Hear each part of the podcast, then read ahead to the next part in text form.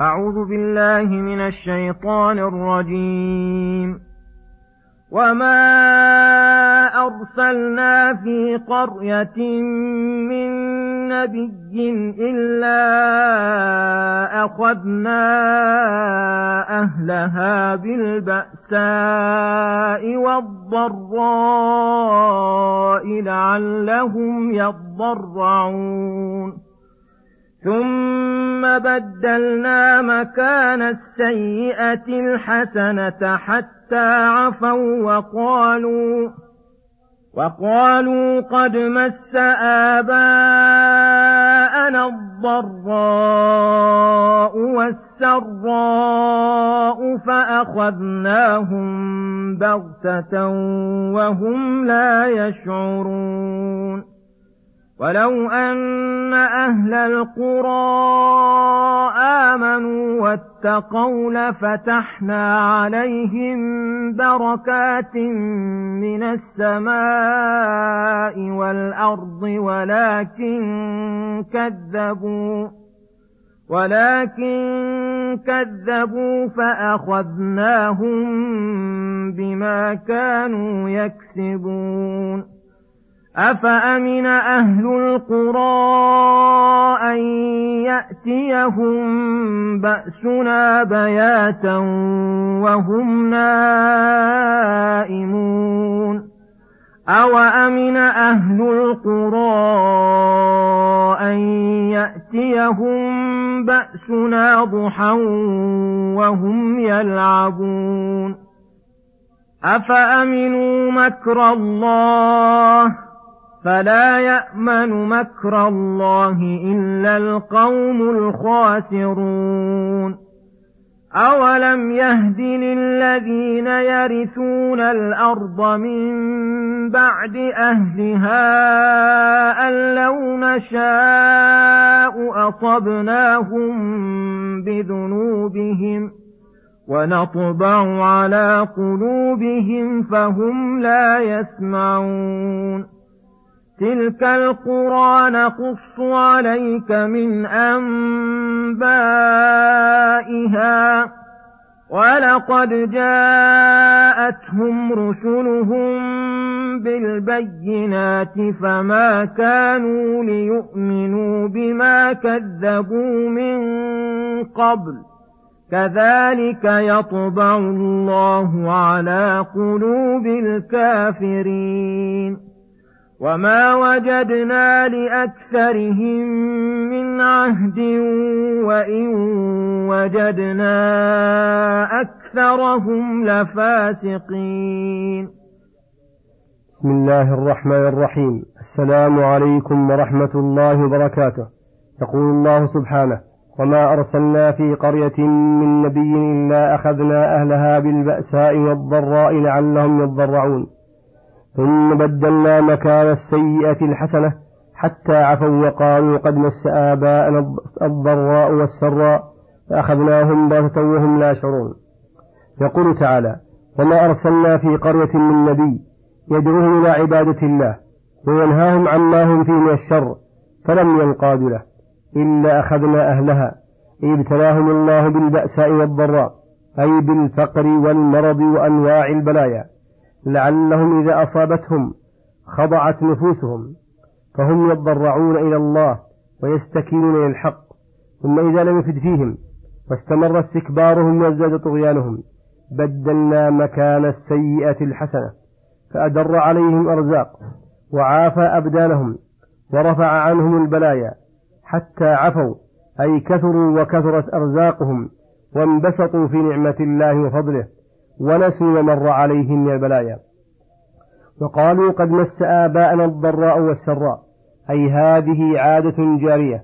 لم تزل موجودة في الأولين واللاحقين.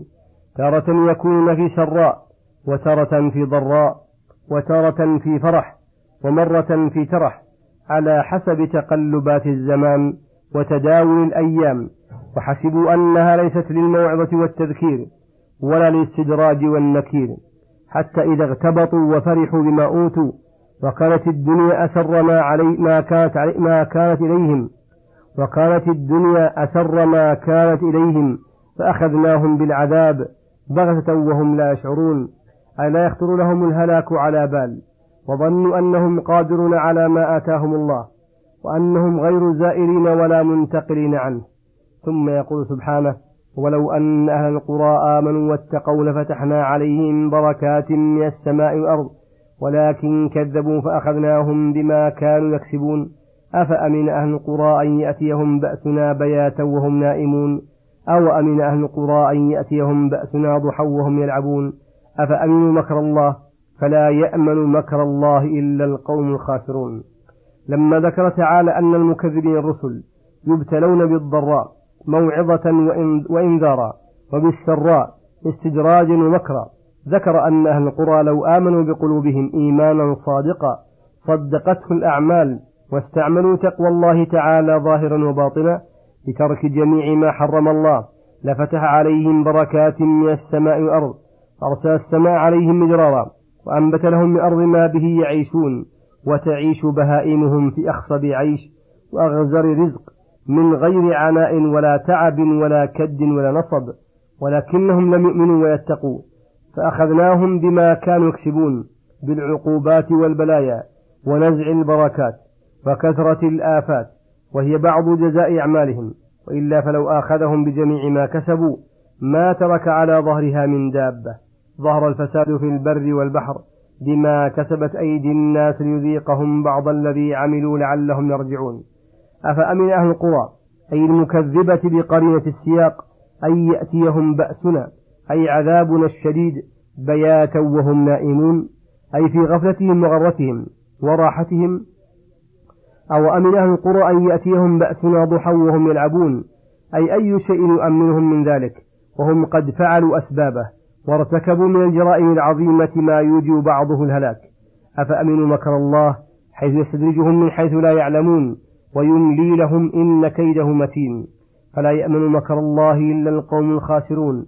فإن من أمن من عذاب الله فإنه لم يصدق بالجزاء على الأعمال ولا آمن بالرسل حقيقة الإيمان.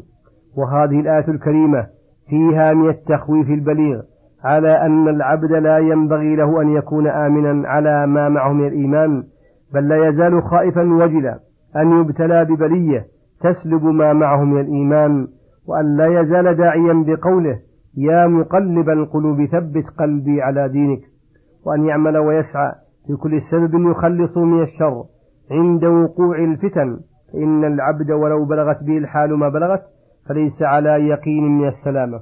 ثم يقول سبحانه أولم يهدي للذين يرثوا الأرض من بعد أهلها أن لو نشاء وصبناهم بذنوبهم ونطبع على قلوبهم فهم لا يسمعون.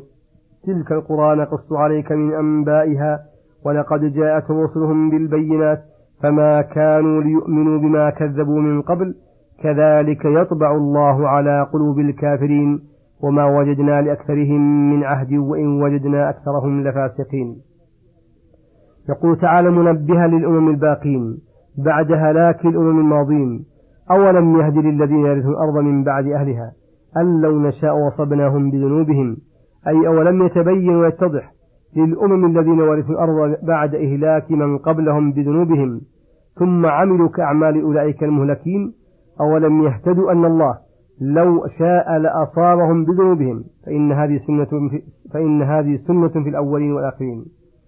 وقوله يطبع على قلوبهم فهم لا يسمعون أي إذا نبههم الله فلم ينتبهوا وذكرهم فلم يتذكروا وهداهم بالآيات والعبر فلم يهتدوا إن الله تعالى يعاقبهم ويطبع على قلوبهم فيعلوها الران والدنس حتى يختم عليها فلا يدخلها حق ولا يصل إليها خير ولا يسمعون ما ينفعهم وإنما يسمعون ما به تقوم الحجة عليهم.